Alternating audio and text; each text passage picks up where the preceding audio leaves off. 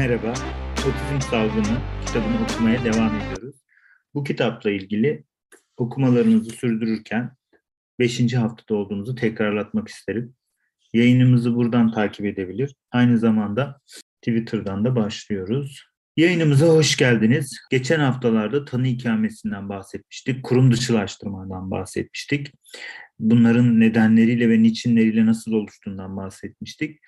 80 öncesinde e, zeka geriliği ve otizm e, çocukluk şizofrenisi arasında e, tanılanan otizm diye belirtilen durumun 80'li yıllardan itibaren yaygın gelişimsel bozukluk olarak tanılanmaya başladığını ve yaygın gelişimsel bozukluk olarak tanılandıktan sonra sürecin artık çok hızlı bir şekilde genişlediğini, tanı ikamesinin gerçekleştiğini ve artık e, belli bazı davranışları yapan çocuklara da otizm tanısı konulmaya başladığını ve bu yüzden otizmin görülme sıklığı başlandığını konuşmuştuk.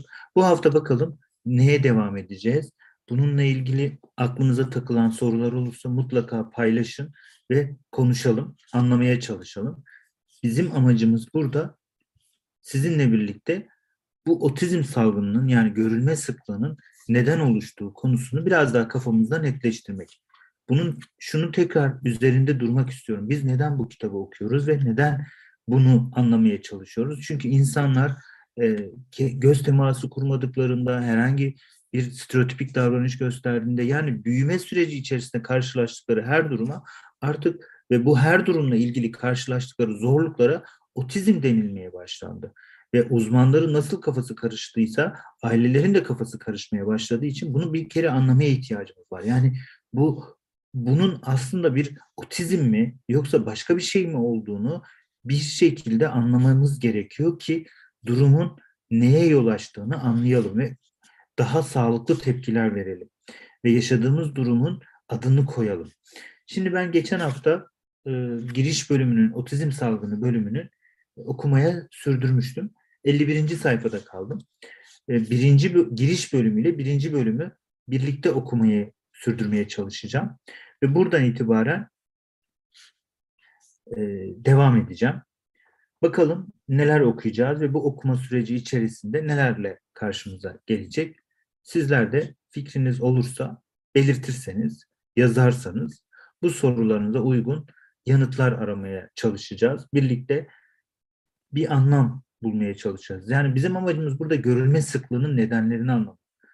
Yani bu görülme sıklığının niye bu kadar önemli olduğunu, otizmin gerçekten artıp artmadığını, bunun bir sorun mu yoksa bir sıkıntı mı ya da gerçekten üretilmiş bir şey mi olup olmadığını anlamaya çalışmak. Ben şimdi oku, okuyarak sürdürmek istiyorum. Çünkü önemli bir bölüm.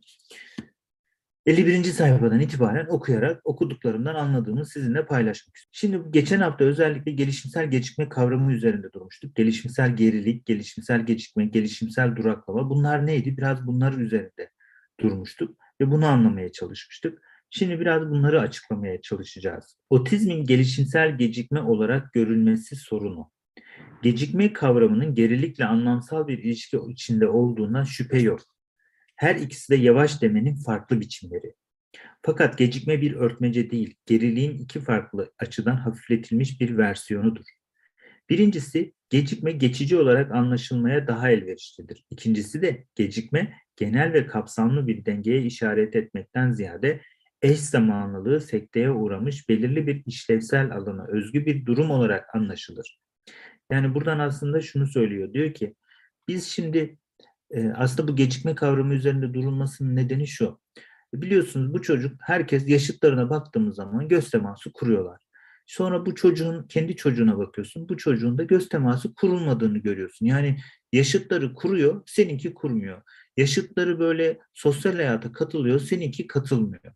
İşte ne bileyim bu çocuğun da e, dil gelişimiyle ilgili bir şeyler var bazı çocuklarda yani yaşıtları ama senin çocuğunda bunlarla ilgili bir durum yok.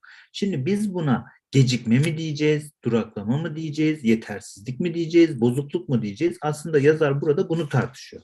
Bunu anlamaya ihtiyacımız var. Ve bu gecikme dediği durumun aslında iki nedeni olduğunu söylüyor. Birincisi bir şekilde bir geriliğin iki farklı biçimde hafifletilmiş bir versiyonu olduğunu söylüyor.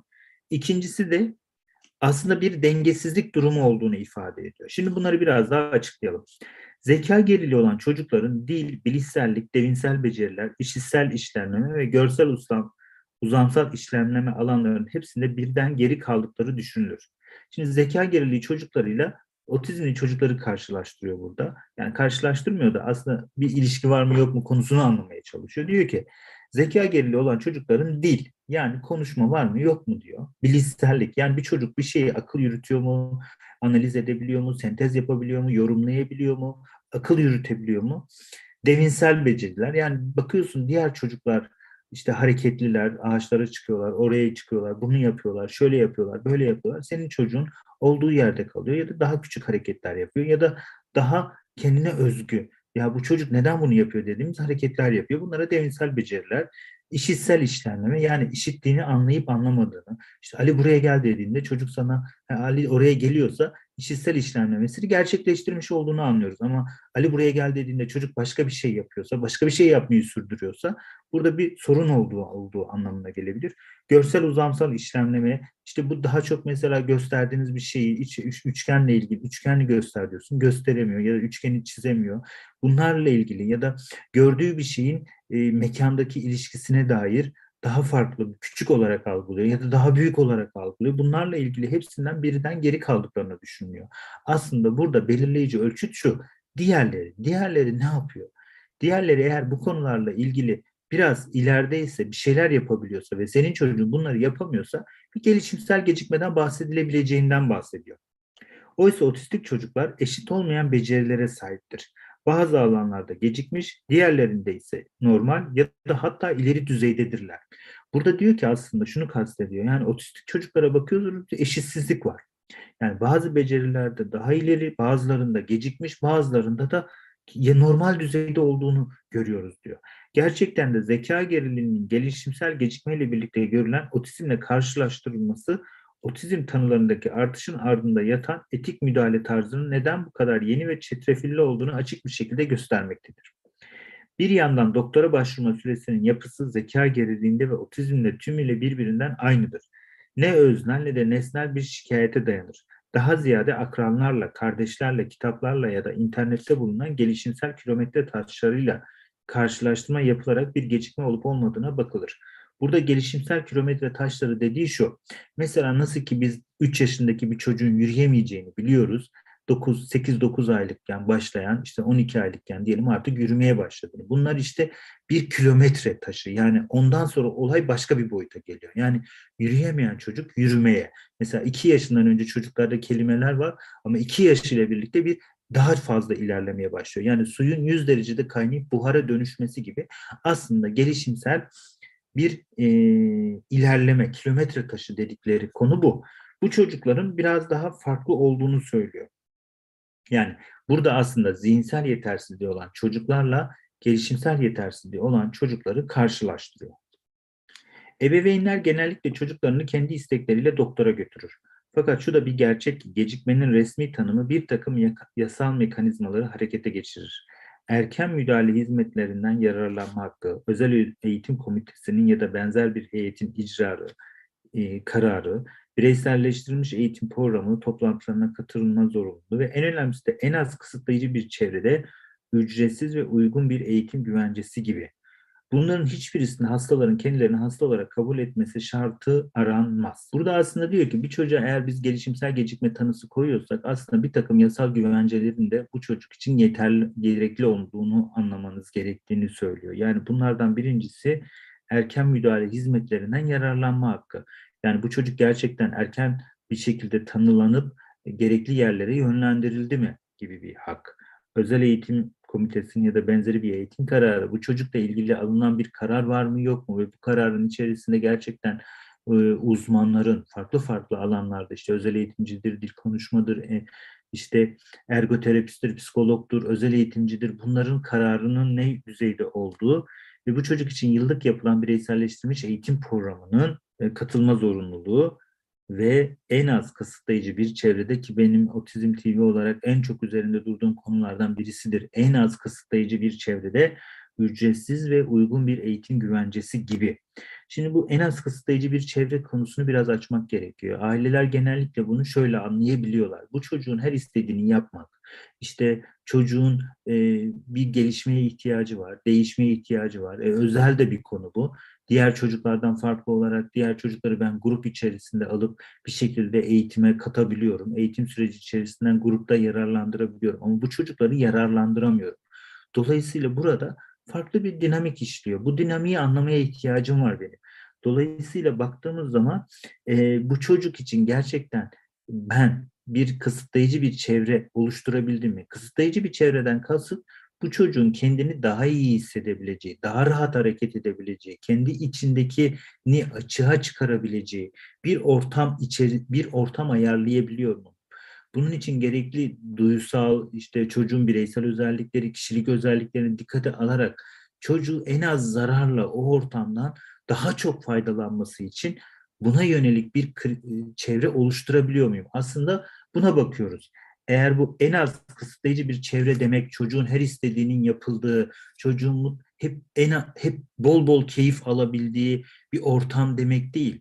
Çocuğun büyüyebileceği, çocuğun gelişebileceği, çocuğun kendine bir şekilde evet ben bu ortamda büyüyebilirim. Ben bu ortamda kendime uygun e, uyaranlara maruz kalabilir ve bu kendime uygun uyaranlara maruz kaldığım için elinden geldiğince de bu ortamda kendimi açığa çıkartabilirim diyebileceği bir ortam aslında. İşte eğer çocuğun gelişimsel gecikmesi varsa böyle bir ortamın zor, zor, kurulmasının zorunlu olduğundan bahsediyor yazarlar. Bunun için yani illa otizmli olması beklenmez. Zeka geriliğinde de bunun kurulması gerekiyor. Diğer sendromlarda da bunun kurulması, anlaşılması gerekiyor. Yani her türlü özel gereksinimli bireyin farklılıklarını kendi içinde ortaya çıkarabilmesi için en az kısıtlayıcı bir çevrenin mutlaka oluşturulması gerekiyor. Bu bizim için de geçerli. Eğer bana da benim kendimi de nörotipik olarak ifade edersem ben kendimi ifade edebileceğim kendi ihtiyaçlarıma uygun oluşturulmuş ve gerçekten beni büyüten, beni büyüten dediğim her istediğimi yapmama uygun bir ortam değil isteklerimin de bazen diğerinin isteklerini engelleyebileceğini, ötekine zarar verebileceğini de bana öğreten, gösteren, belirli sınırlılıkları olan bir çevreden bahsediyorum aslında. Büyüten bir çevreden bahsediyorum. Tutan bir çevreden bahsediyorum. Böyle bir çevre var mı yok mu? Böyle bir çevrenin oluşturulması ister zeka geriliği olsun, ister otizm olsun, ister Down sendromu olsun, ister başka e, bozukluklardaki e, çocuklar olsun, işte öğrenme güçlüğündeki çocuklar olsun bir şekilde e, karşılaşılabileceğini söylüyor. Yani oluşturulması gerekliliğini söylüyor. Zeka geriliğin ve otizmin kaderleri her ikisinde de bir gecikme söz konusu olmakla birlikte açık bir farklılık gösterir. Burada diyor aslında ortak bir noktaları var. O da şu, ikisinde de gecikme var diyor. Yani otizmde de gecikme var, zeka geriliğinde de bir gecikme var. Devam ediyorum. Zeka geriliği söz konusu olduğunda ekonomik görülmeyerek tıbbi tedavi dışında bırakılan müdahalelerin otizm söz konusu olduğunda tıbbi tedavi ekonomisine dahil edildiğini görüyoruz diyor. Yani şunu demek istiyor aslında. Mesela bir çocuğa zeka geriliği teşhisi koyulduğunda onun herhangi bir şekilde diyelim ilaç desteği ya da ne bileyim tıbbi bir tedavi içerisinde e, ele alınıp açıklanmadığını, müdahale edilmediğini görüyoruz. Ama oysa otizm teşhisi konulduğunda gecikme olmasına rağmen biz bu çocuğa ilaç desteği veriyoruz. Başka tıbbi müdahaleler varsa işte nörolojik araştırmalar yapıyoruz. Ee, bla bla ne varsa işte bedenleriyle ilgili ağır metal taramaları yapıyoruz. Başka bir şeyler yapıyoruz. Yani bir şekilde diyor ki e, teda tıbbi tedavi dışında bırakılan müdahaleler otizmde söz konusu hale gelmeye başlıyor. Burası önemli diyor. Zeka geriliğiyle otizmi ayırt eden en önemli kriterlerden birisi olduğunu söylüyor. Otizmi zeka gerilerinden ayıran nokta otizm tanısının kritik bir fırsat penceresi fikrini yani erken çocuklukta nöral yolları etkilemenin henüz mümkün olduğu ve dolayısıyla yoğun müdahale gerektiren bir dönemin bulunduğu fikrini içermesidir. Otizmi zeka geriliğinden ayıran ve ebeveynler için otizm tanısını daha cazip kılan şey ise tam bu fikirdir. Bu bir iyileşme umudunu canlı tutar. Zira bunlar elbette tedavi edilen hastalıklardır yoksa asla zeka geriliği değil. Fakat akıl hastalığın, akıl hastalığınkinden tümüyle farklı bir çaba ekonomisinin de içinde yer alır. Tedavi ekonomisinin ana hatlarını burada belirli, belli belirsiz ayırt etmek mümkündür. Yoğun bir erken müdahalenin gelecekte kendiliğinden bir ilerleme veya tesadüfi öğrenme şeklinde bir getirisi olacağı söylenir. Fakat bu kritik dönemin uzunluğunu ya da ne zaman sona erdiğini kimse bilmediğinden ve ne kadar bir ilerleme beklenebileceği konusunda kimse kesin bir şey söylemediğinden bu ekonominin esası tüm de tam da zeka geriliği, savurganlık olarak görülen şeyle aynıdır. Burada çok ilginç bir şey söylüyor. Aslında benim anladığım şu buradan. Diyor ki bir şekilde zeka geriliği ile otizm arasında bir farklılık var. Ortak noktaları ikisinde de bir gecikme olması. Dilde gecikme, sosyal becerilerde gecikme, işte akılla ilgili bilişsel becerilerde gecikme. Burada onu belirtmişti zaten. Yani farklı farklı alanlarda oldukça kritik işte işitsel işlemlemede, derinsel becerilerde, görsel uzamsal işlemleme alanların hepsinde geri kalması aslında ikisinde de benzer bir özellik olduğunu söylüyor. Ama diyor zeka geriliğinden bir farklı tarafının da şu olduğunu anlamaya ihtiyacımız var diyor. O da nedir biliyor musunuz? Şu. Şu şarjı bir halledeyim şuradan bir saniye. Zeka geriliği eğer doğuştan geliyorsa bir şekilde iyileştirilemeyecek diye görülüyor. Çünkü çocuğunda zeka geriliği var ve gerçekten zeka geriliği iyileştirilemez olarak görülüyor. Ama eğer otizm olduğunda diyor ki biz otizmi erken müdahale edersek iyileştirebiliriz diyor. Dolayısıyla böyle bir umudun olması otizmi zeka geriliğinden ayıran en önemli bir unsur olarak karşımıza çıkıyor. Dolayısıyla burası çok önemli. Zaten otizmi e, bu yüzden zaten aileler tercih etmeye başlıyorlar. Çünkü biliyorsunuz 80 öncesinde zeka geriliği olan yani otizm tanısı almış çoğu çocuk zeka geriliği tanısı alıyor. Yani hastaneye götürüldüğünde bu çocuklar yani bugün mesela göz teması kurmayan ne bileyim işte sosyal e, stereotipik hareketleri olan bir çocuk 80 öncesinde olsaydı hastaneye gitseydi bir şekilde geri zekalı ya da zihinsel yetersizliği olan e, çocuk kategorisinde değerlendirilecekti ve ona göre bir tanı konulacaktı. Halbuki diyor ki yazarlar burada eğer biz bu çocuğu otizm olarak tanılırsak, tanılamasını e, farklı bir yerden yaparsak diyor, bu çocuklar artık iyileşme umudu olan çocuklar kategorisine dönüşür. Çünkü eğer zeka geriliği kategorisinde kalınırsa psikiyatristler bize diyor ki bu çocuk hep böyle kalacak. Yani hayatının sonuna kadar zihinsel yetersizliği olan bir çocuk olarak kalacak. Halbuki bu çocuklar öyle çocuklar değil diyorlar bu çocuklarla biraz ilgilenildiğinde, bu çocuklar için çaba harcandığında, o yüzden çaba ekonomisi diyor, bir çaba harcandığında, yeteri kadar destek verildiğinde bu çocuklar bir şekilde hayata katılabiliyorlar. Dolayısıyla hayata katılabildikleri için, iyileşme ihtimali olabildikleri için biz bu çocukları zeka geriliğinden farklı bir kategoride ele alıyoruz diyor. Burası çok önemli. Bakın demek ki zihinsel yetersizliği olan çocuklarla hem ortak bir noktası var hem de farklı bir noktası var. Tekrar etmeye ihtiyaç duyuyorum burası, burasının. Ortak noktası her ikisinde de bir gelişimsel gecikme olduğunu söylüyor. Ama farklı noktaları zihinsel yetersizliği olan çocukların ya da tırnak içinde söylüyorum burası kitabın belirttiği bir kavram olduğu için geri zekalı tanımını ele alıyor. Diyor ki zihinsel yetersizliği olan çocuklar da iyileşemeyecekleri için hayatları boyunca hep e, zihinsel yetersizlik olarak kalabilecekleri için ve onlar için çok fazla bir çaba, onlar için çok fazla bir emek vermememiz gerektiği için e, dolayısıyla biz otizm teşhisi koyarsak bu çocuklar en azından bir iyileşme umudu olabilir. Hayata karışabilir, yaşıtlarına yetişebilir. Dolayısıyla daha farklı bir tedavi ekonomisi oluşturabiliriz. Dolayısıyla o yüzden biz otizm teşhisini bu insanlara koyuyoruz diyorlar. 80'li yıllardan itibaren oluşmaya başlıyor bu. Devam ediyorum buradan. Akıl hastalığınkine tümüyle, evet burayı okumuştum. Otizmle ilgili en önemli ebeveyn örgütü olan Otizm Speaks ile Asperger bozukluğu olan bireylerin kurduğu küçük bir örgüt olan küresel ve bölgesel Asperger sendromu ortaklığı arasında tedavi konusunda yaşanan sert tartışmalara bakınız. Bakın görüldüğü gibi dünya genelinde de e, birlikler, örgütler, bir araya gelen kurumlar hala tartışıyorlar. Birisi işte Otizm Speaks gibi Amerika'da e, oluşmuş ama dünya genelinde oldukça faaliyet gösteren bir örgüt. Diğeri de Asperger'leri temsil eden bir örgüt. Bunlar tedavi konusunda sert tartışmalar içerisindeymiş. Ne yapıyorlarmış biraz bakalım. Otizm Speaks, otizmin tedavisi amacıyla yapılan araştırmaları mali açıdan destekleyip teşvik ederken Asperger sendromu, küresel ve bölgesel Asperger sendromu ortaklığı tedavi söylemini saldırgan bularak reddediyor ve üyeleri için Asperger'in bir hastalık değil, kişiliklerinin bir parçası olduğunu belirtiyor. Bu örgütün temsilcisinin ifade ettiği gibi tedavi kelimesi tıpkı hastalık kelimesi gibi edinilmiş durumlar, sendromlar ve tanıları belirtmek için kullanına gelmiştir. Yani kişi bunları doğumundan sonra bir yerlerden edinmiştir.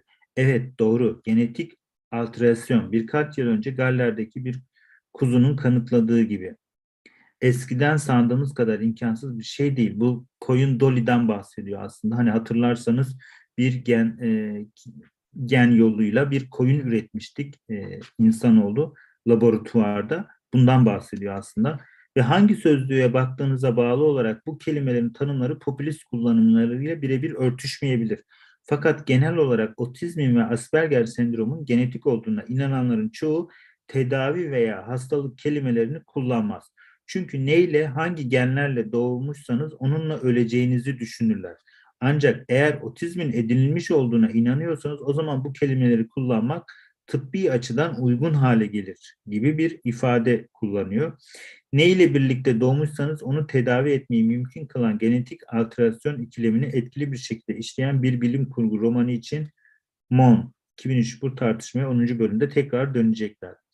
Yani görüldüğü gibi benim buradan anladığım şu aslında diyor ki Autism Speaks gibi bir örgüt var. Bu örgüt özellikle tedavi kelimesini, tedavi konusunu gündeme getiriyor.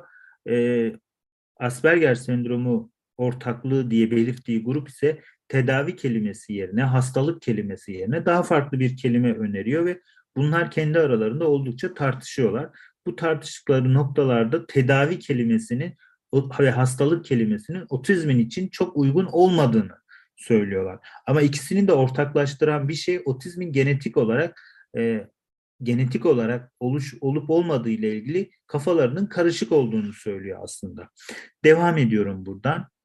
Bu arada tekrar söylüyorum YouTube'dan ve Twitter'dan bizi takip eden dinleyicilerimiz eğer konuyla ilgili aklına gelen, iç dünyasında uyanan, e, paylaşmak istediği bir konu olursa mutlaka istekle bildirsinler. E, biz de buradan onları dinleyelim, bir fırsat verelim. Amacım burada sadece okumak değil, sizlerin de fikirleri varsa bunu dinlemek, anlamaya çalış. Devam ediyorum ben.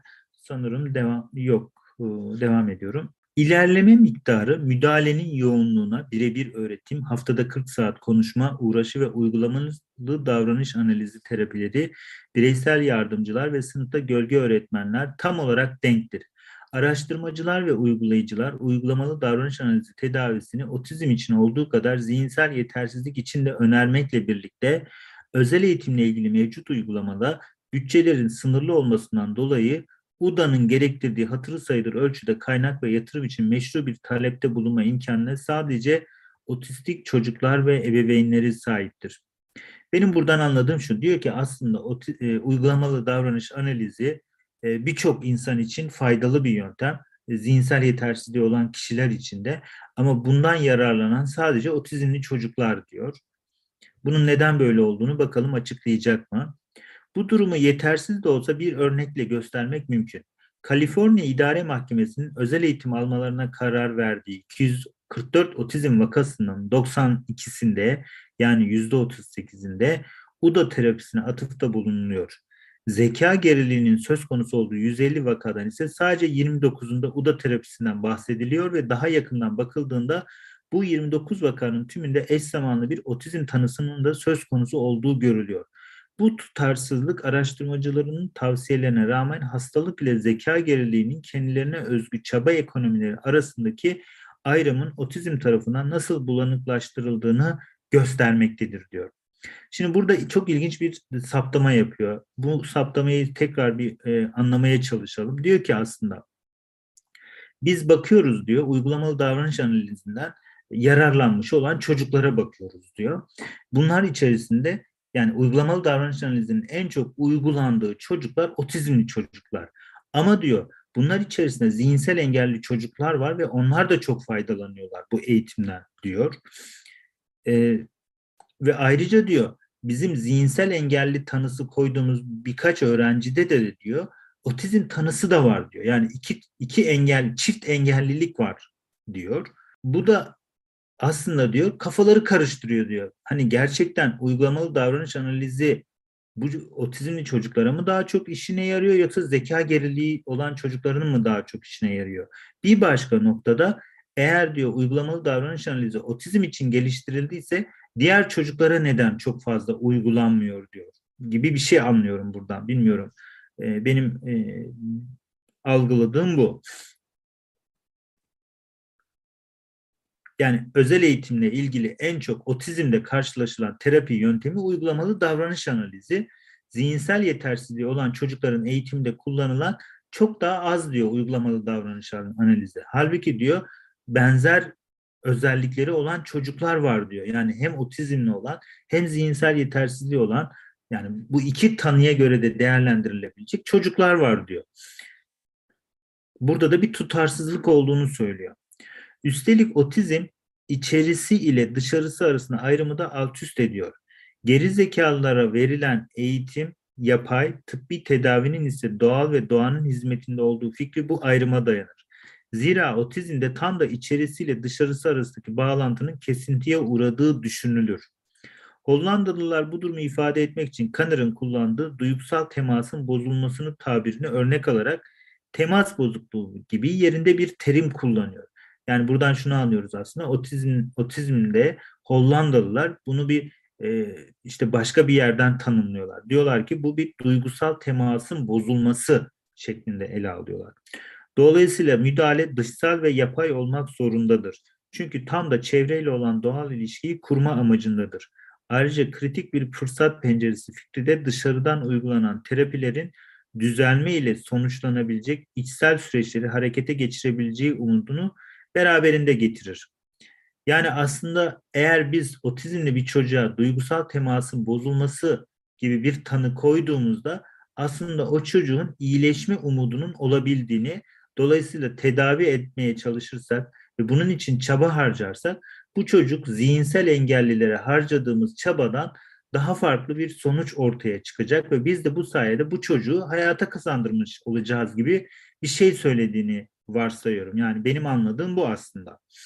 Son olarak bu tartışma bizi bozulmak, bozukluk ve gecikmenin ardından üçüncü bir terimle karşı karşıya getiriyor. Yetersizlik. Bakın kavramlar çoğaldı. Bir bozukluk vardı. Gerçekten bu tanıda bir biz bu otizme baktığımızda bir bozukluk mu değil mi diye düşünüyorduk. Sonra bir baktık zihinsel yetersizlikle ilgili benzer özellikleri var. Acaba dedik bir gecikme mi var? Çünkü yaşıtları başka başka şeyler yapıyor. Senin çocuğun bunların daha azını yapıyor ya da hiç yapmıyor. O zaman sen diyorsun ki galiba bu çocuk gecikiyor. Bu çocuk e, sıkıntılı diyorsun. Yani bir gelişimsel olarak geride kalıyor diyorsun. İlerleyemiyor diyorsun. Dolayısıyla bir gecikme var diyorsun. Ayrıca diyor de, diyor ki yazar bir başka kavram daha var diyor. Bunu açıklayabilecek yetersizlik. Şimdi ona geliyoruz. Bakalım bu yetersizlikle ilgili karşımıza ne çıkacak? Bu arada herkes yolunda mı? Takip edebiliyor mu? diye bir bakıyorum. Tamam, devam ediyorum. YouTube'dan ve Twitter'dan bizi takip ediyorsunuz. Güzel. Devam ediyorum. Bunlar tabii şunu tekrar söyleme ihtiyacım içerisine girme girmek durumundayım. Yani biz bunları neden önemsiyoruz? Bakın e, biz bir hani entelektüel çaba içerisinde değiliz aslında. Otizmle ilgili oldukça bir kafa karışıklığı var. Tanılamasından, teşhisine, tedavisinden nasıl yönetileceğine kadar bir kafa karışıklığı var. Bu kafa karışıklığının aslında oluşmasının tarihsel izlerini araştırıyoruz. Bunu bilmek bize ne kazandıracak? Çocuğum eğer göz teması kurmadığında ya da çocuğumda bir stereotipik hareket oluşmadığında ya da çocuğum otizm teşhisi alıp almadan önce ben bu konularla ilgili ne kadar bir ha bu konular geçmişte böyle anlaşılıyordu. Şu an böyle anlaşılıyor. Dolayısıyla benim bu konuya önce otizm demeden önce aslında konunun bir başka boyutları var. Bir başka yerden anlaşılması gerekiyor. Dolayısıyla ben buna bir hastalık, yetersizlik, bozukluk ya da farklılık demeden önce bir durumu anlayayım. Aslında bunu anlamamıza vesile olduğu için e, kitabın bu buradan anlaşılması ve kitaba uygun bir şekilde biz de evet bunu otizmi bir hastalık mı ya da otizmin görülme sıklığının gerçekten artıp artmadığına ilişkin kafamızda bir şeyler oluşacak. Ve biz bu sayede artanın aslında bir otizmin görülme sıklığının değil başka bir şeylerin mi var acaba bu işin içerisinde bunu anlamış olacağız. Dolayısıyla ona göre kafamız daha net olmuş olacak. Aileleri ona göre eğer uzmansak daha sağlıklı yönlendireceğiz. Aile ise karşımdaki çocuğu durumunu otizm demeden önce bu çocukta gerçekten ne oluyor? Ve ben gerçekten bu çocuğu tıbba götürdüğüm zaman ya da eğitimciye teslim ettiğim zaman karşıma neler gelecek ve bana ne söylenecek ve ben bunları nasıl algılamalıyım konusunda kafam daha net olacağı için özellikle biz bu konuları tekrar tekrar üzerinde durma ihtiyacı hissediyoruz. Ve bu kitabı okumamızın en önemli motivasyon sebebi de bu olduğunu tekrar söylemek istiyorum ve devam ediyorum. Otizmin hastalık ile zeka geriliği arasındaki konumunu anlatırken acaba gerçekten otizmden mi bahsediyoruz? Yoksa yeni bir kategori olan yetersizlikten, özellikle gelişimsel yetersizlikten mi bahsediyoruz?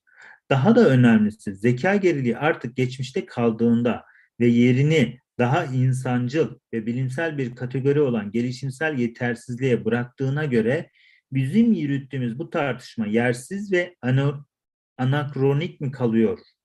İlk soruyu yanıtımız kısmen evet. İkincisi ikinciye ise kocaman pardon ikincisiye ikinciye ise kocaman bir hayır. Soruları bakalım hangisine evet demiş, hangisine hayır demiş. İlk soru şu. Diyor ki biz gerçekten bir bir yerde otizm var, bir yerde zeka geriliği var. Biz acaba gerçekten bir otizm diye bir şey mi var ya da biz mi uydurduk diyor. Bu soruna bir evet kısmen evet yanıtını veriyor. İkinci olarak da zeka geriliği diyor eskiden diyor biz 80 öncesinde 80'li yıllara kadar DSM 3'e kadar bu çocuklara biz zeka geriliği tanısı koyduğumuza göre ve zeka geriliği geride kaldığına göre diyor yerini acaba gelişimsel yetersizliğe bıraktığına göre bizim tartışmamız yet, yersiz midir diyor. Yani boşu boşuna biz bir tartışma yapıyoruz diyor.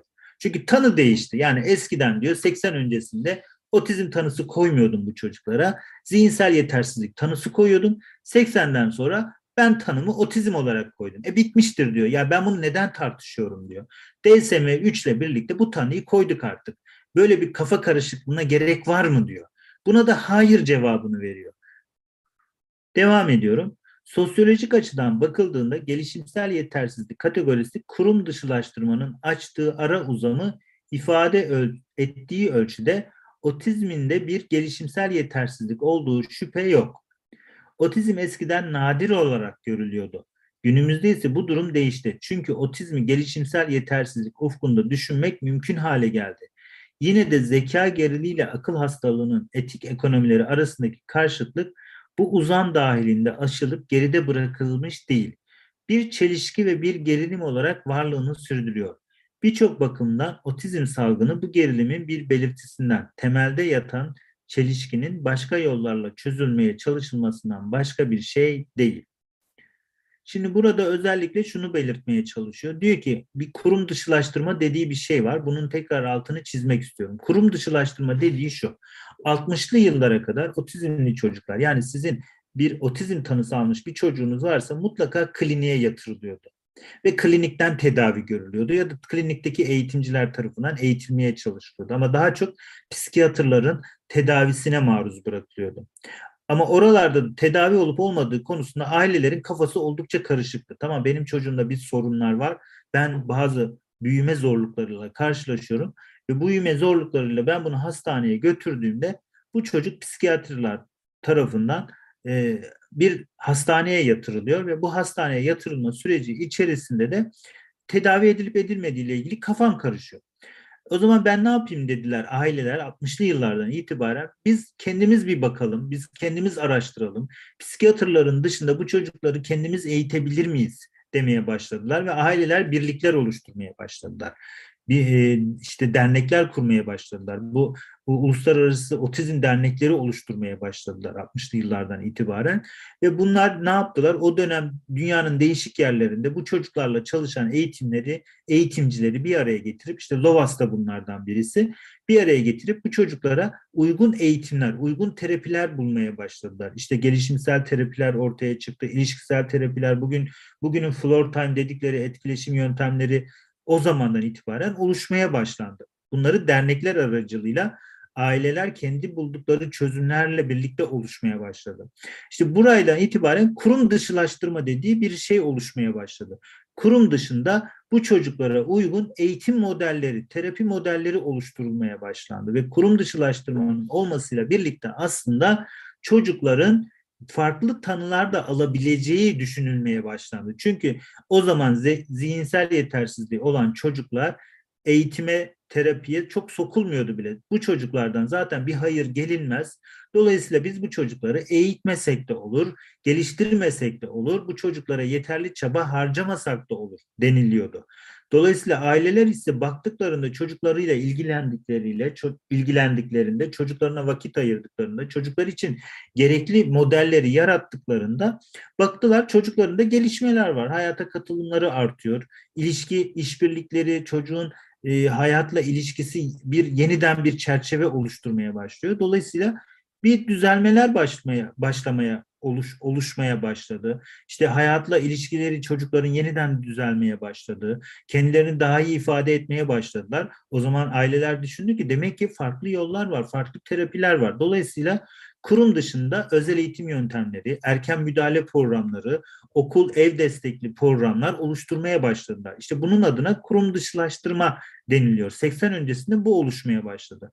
Ve bu çaba kendini 80'li yıllarda DSM 3'te bir çaba verdi ve o güne kadar zihinsel yetersizlik ya da e, çocukluk şizofrenisi olarak görülen bu çocuklara dediler ki daha hafif olan daha e, yardıma, destek ihtiyacı olabilecek çocukları biz yaygın gelişimsel bozukluk kategorisi altında değerlendirelim ve onun içerisinde de otistik spektrum bozukluğunu tanımladılar. Ve diğer e, birkaç tane daha sendromu eklediler buna. Asperger sendromu dahil.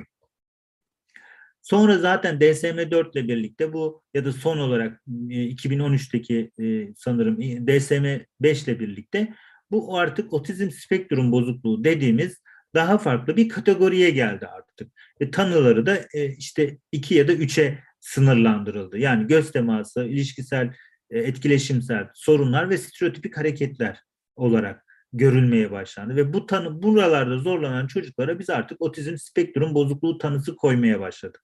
Bunların hepsi bu kurum dışılaştırma dediğimiz şey sayesinde oldu. Ailelerin bir araya gelip oluşturdukları derneklerin kurum dışında, kurum dediği burada psikiyatrlar, klinikler, hastaneler, hastanelerin dışında aileler evde ve okulda e, toplumsal çevrede bir e, düzen oluşturmaya çalıştılar. Yani bu sayede aslında bir değişimler başladı. Buradan devam ediyorum. Yetersizlik ne anlama geliyor? Nasıl ki Treadgold'un akıl hastalığı ile zeka geriliği arasında yaptığı ayrım erken dönem liberal devletlere özgü bir yönetim tarzını yansıtıyorsa, yetersizlik kavramının kökeni de bizi savaş sonrası refah devletinin kuruluşuna geri götürür. Erken dönem liberal yönetimlerde burjuva sınıfının rasyonel özellik normuna yaklaşamadıkları için dışlanan ya da yaşamaya değmez görüldükleri için kürtaj, kısırlaştırma veya ötenaziye bıra maruz bırakılan bireyler refah devletleriyle birlikte engelli ya da İskandinavların kullanmayı tercih ettiği ta tabirle kısmen sağlam bedenli yurttaşlara dönüştü. Yetersizlik kavramı yurttaş ile devlet arasında toplumsal sözleşmenin yeniden düzenlendiğini ifade eder. Tıp, tüm bireyler tıpkı eşit muamele ve fırsat eşitliği gibi yasal bir hak olarak görülen proses, prostetik araç ve imkanlarla donatılmaları kaydıyla kendilerini idare etme ve ortak refaha katkıda bulunma imkanına sahip olmalıdır. Yetersizlik iyileştirme ile gözetim arasında yer alan yeni bir etik amaç ortaya koyar. Habilitasyon veya yeterlilik kazandırma. Sanırım burada bu iki kavramı açıklayacak. Buraya kadarki kısımla ilgili aklınıza gelen paylaşmak istediğiniz, konuşmak istediğiniz ya da konuşmaya eklemek istediğiniz bir şey var mı?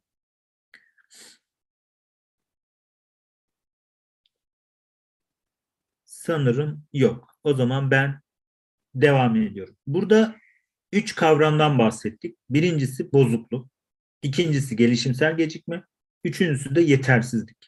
Otizmin bunlarla ilişkisi olup olmadığını anlamaya çalışıyoruz aslında. Ve bu yetersizlik kavramını açıklamaya çalışırken aslında yetersizliğin sosyolojik olarak başka bir yerden geldiğini bahsediyor. Bu geldiği noktada şurası diyor. Diyor ki savaş sonrası refah devletinin kuruluşuna kadar geri götürülen bir süreçten bahsediyor. Ve diyor ki erken dönem liberal yönetimlerde burjuva sınıfının rasyonel özellik normuna yaklaşamadıkları için yani bazı çocuklar, bireyler var tamam mı? Bu bireyler özellikle burjuva toplumunda yani herkesin eşit olmadığı ama bir şekilde bireyle birey olduğu toplumlarda bunlar toplumsal yaşama katılmakta zorlanıyorlar. Hayatın içerisinde çalışmakta zorlanıyorlar. Çalışamıyorlar da. Çünkü burjuva sınıfı emek ve artı değer üzerinden işleyen bir toplumsal sistem olduğu için yani siz emeğinizi satacaksınız ve bu emeğinizin karşılığında bir artı değer üreteceksiniz ve bu emeğinizin karşılığında aldığınız ücretle geçineceksiniz. Ama bakıyorlar böyle olmayan insanlar var. Hem akıl anlamında hem ruh sağlığı anlamında zorlanan, bunlara e, idrak edemeyen, çalışamayan, toplumsal hayata katılamayan kişiler var. Dolayısıyla diyor ki bunlara bir devletler, top, yani liberal devletler yetersiz olan bireyler diyerek tanımladı diyor aslında. Yani burada benim anladığım kadarıyla böyle bir şey söylüyor. Yani liberal toplumların iç, toplumsal sistemleri içerisinde bu toplumdaki bireyleri yani bu böyle özellikleri olan bireyleri de siz dışlanmayın, toplumsal hayatın dışında kalmayın, hayatın içerisinde sizin de bir yeriniz olsun dedikleri için dahil ediyorlar. Bunu da yetersizliği olan bireyler olarak tanımlayarak veya e, İskandinav ülkelerindeki gibi kısmen sağlam bedenli diye tanımlayarak bir şekilde bu insanları da toplumsal hayata katmanın bir yolunu bulmaya çalışıyorlar. Aslında yapmaya çalıştıkları oldukça pozitif bir enerji veren bir şey. Ama bunu şöyle yapıyorlar. Biz diyorlar sizleri yetersizliği olan bireyler olarak tanımlıyoruz. Çünkü siz yetersizsiniz. Niye? Çalışamıyorsunuz. Niye? Toplumsal hayata katılamıyorsunuz. Niye? Sizler çünkü artı değer üretmiyorsunuz. Yani dolayısıyla sizler bunları yapamadığınız için sizlerde bir eksiklik var, bir yetersizlik var diyorlar. Sizler bunları yapamıyorsunuz, zorlanıyorsunuz. Katılmakta, işbirliği yapmakta, desteklemekte, diğerleri gibi, diğerleri çünkü çalışabiliyorlar, vergi verebiliyorlar, işte e, kendilerini işte oy kullanabiliyorlar ama sizler diyorlar e, bakıyoruz ne akıl aklınız, ne ruhunuz, ne bedeniniz buna uygun değil. Yani dolayısıyla sizler yetersizliği olan bireylersiniz diyorlar. Aslında demek ki yetersizlik kavramının liberal sistemler içerisinde liberal devletler tarafından böyle bireyleri temsil etmek için e, kullanıldığını anlıyoruz aslında burada. Devam ediyorum buradan. Fakat haklar söylemi temelde yatan etik ekonomik meseleye bir çözüm getirmiyor.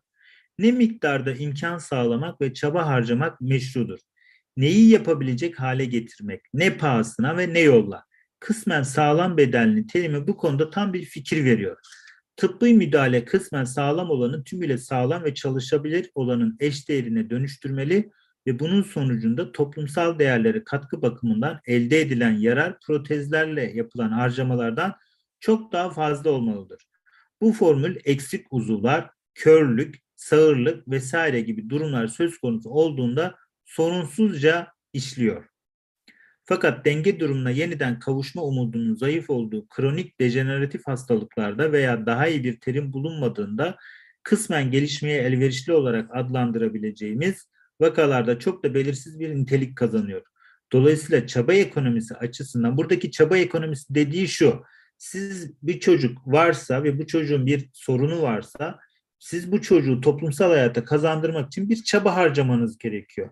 Yani bu çocuk gerçekten toplumsal hayata katılmaya değer mi, değmez mi?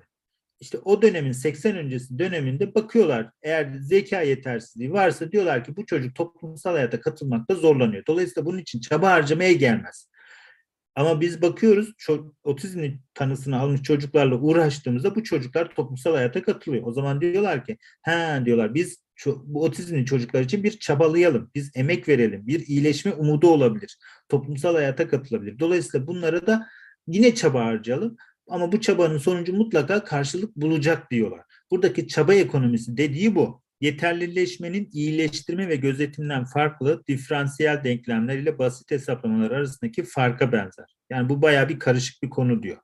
Farklı şiddet derecelerine sahip farklı yetersizliklere uygun farklı yerlileştirme hedefleri saptanmalı.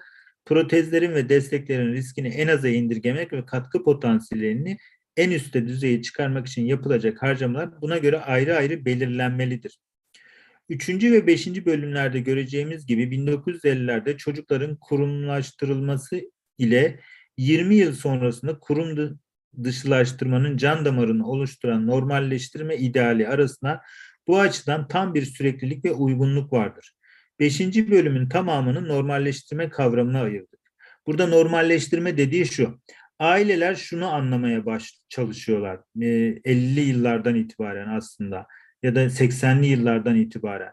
Ya benim çocuğum da tamam siz dışlıyorsunuz, ötekileştiriyorsunuz, farklılaştırıyorsunuz, eğitimi almıyorsunuz, terapinin içerisinde yer vermiyorsunuz ama benim çocuğumun da diğerlerinden farkı yok. Diğerlerinden daha normal de olabilir. Yani biz de çabalıyoruz sonuçta diyorlar ve normalleştirme akımını başlatıyorlar. Yani o yıllarda böyle bir akımın olduğunu söylüyorlar. Mesela bu günümüzdeki karşılığında şöyle düşünebilirsiniz. Günümüzde mesela aileler, çoğu aileler çocukları göz teması kurmuyorsa e, ya da herhangi bir şekilde e, stereotipik bir hareketi varsa, diğer yaşıtlardan farklıysa oldukça endişeleniyorlar. Sanki başlarına çok büyük bir felaket gelmiş gibi düşünüyorlar. Aslında e, daha büyük bir şekilde baktığımızda günümüzde bu aileler diyorlar ki umarım otizm değildir. Umarım öğrenme güçlüğü vardır ya da uyaran eksikliği vardır ya da sanal otizm vardır diyerek tanıları bile yumuşatıyorlar. Yani eskiden geri zekalı demesinler diye benim çocuğuma otizm tanısı alsın diye aileler uğraşıyordu. Bugün de yine çocuklarına otizm tanısı alınmasın. E işte uyaran eksikliği var desin ya da sanal otizm var desin ya da işte ne bileyim bu çocukta gelişimsel yetersizliği var denilsin diye aileler tanıları yine yumuşatıyorlar aslında. Aileler değil tabii uzmanlarda ya da farklı şekilde dinamiklerde. Dolayısıyla olayın çok karışık bir boyut içerisinde olduğunu unutmamak gerekiyor. Dolayısıyla normalleştirme aslında bütün bunların hepsinin arka planında normalleştirme var. Yani benim çocuğum da senin çocuğundan farklı değil. Benim çocuğum da normal. Neden normal görmüyorsun sen? Normal görmüyorsan sen sorumlusun gibi bir yere kadar kayabilecek bir durumdan bahsediyoruz. Normalleştirme en özlü ifadeyle geri zekalıları mümkün olduğunca normal bir varoluşa sahip olmalarını sağlamak ve bunun için gerekli tüm bakım ve eğitim hizmetlerini sunmaktır. Normalleştirme ilk olarak 1959'da Danimarka'da ardından 67'de İsveç'te yasalaştı. Bakın ne hale gelmiş gördünüz mü? Bu kötü bir gelişme değil tabii oldukça iyi bir gelişme. O döneme göre düşündüğünüz zaman Hele şöyle düşünün bu çocuklar o, o güne kadar hiçbir eğitim alma hakkı bile düşünülmüyorken e, bu çocuklara gereken destek hiçbir şekilde verilmiyorken artık Avrupa ülkelerin bazı Avrupa ülkeleri diyor ki bu çocuklar da diğer çocuklardan farklı değil. Yani farklı değil. Dolayısıyla bu çocuklar da eğitilebilir, bu çocuklar da öğretilebilir, bu çocuklar da yaşama kazandırılabilir diyor.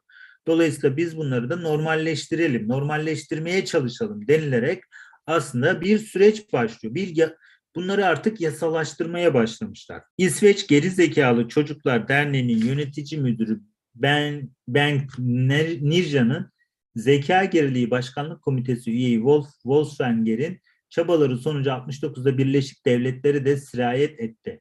Mümkün olduğunca normal bir varoluş sağlanması sırasıyla barınma, eğitim ve çalışma ile ilgili düzenlemelerden, düzenlemelerden oluşan bir dizi farklı kulvara sahip olunması anlamına geliyordu. Sadece makul olan noktaya dek ilerleyen bu kulvarlar, kulvarların her biri içinde yer alan bireylerin potansiyeline tümüyle uygun bir şekilde düzenlenmişti ve onlarla ancak baş edebilecekleri ölçüde bir entegrasyon sunuyordu. Bu vizyon kurum dışılaştırmanın Amerikalılara miras bıraktığı hukuk söylemi tarafından baş tacı edildi. Yetersizliği olan bireyler eğitim yasası, IDEA, her çocuğun kendi bireysel ihtiyaçları ve yeteneklerine göre en az kısıtlayıcı bir, kısıtlayıcı bir çevrede ücretsiz ve uygun bir eğitim almasını şart koşar. Diyor ki aslında bu normalleştirme ideali o kadar ileriye gitti ki Amerika'da da diyor en az kısıtlayıcı bir eğitim e, yetersizliği olan bireyler eğitim yasası ortaya çıktı ve bu da tamamen şunu sağlamaya çalışıyordu. Her çocuğun kendi bireysel ihtiyaç ve yeteneklerine göre en az kısıtlayıcı bir çevrede ücretsiz ve uygun bir eğitim almasının şartının sağlanması.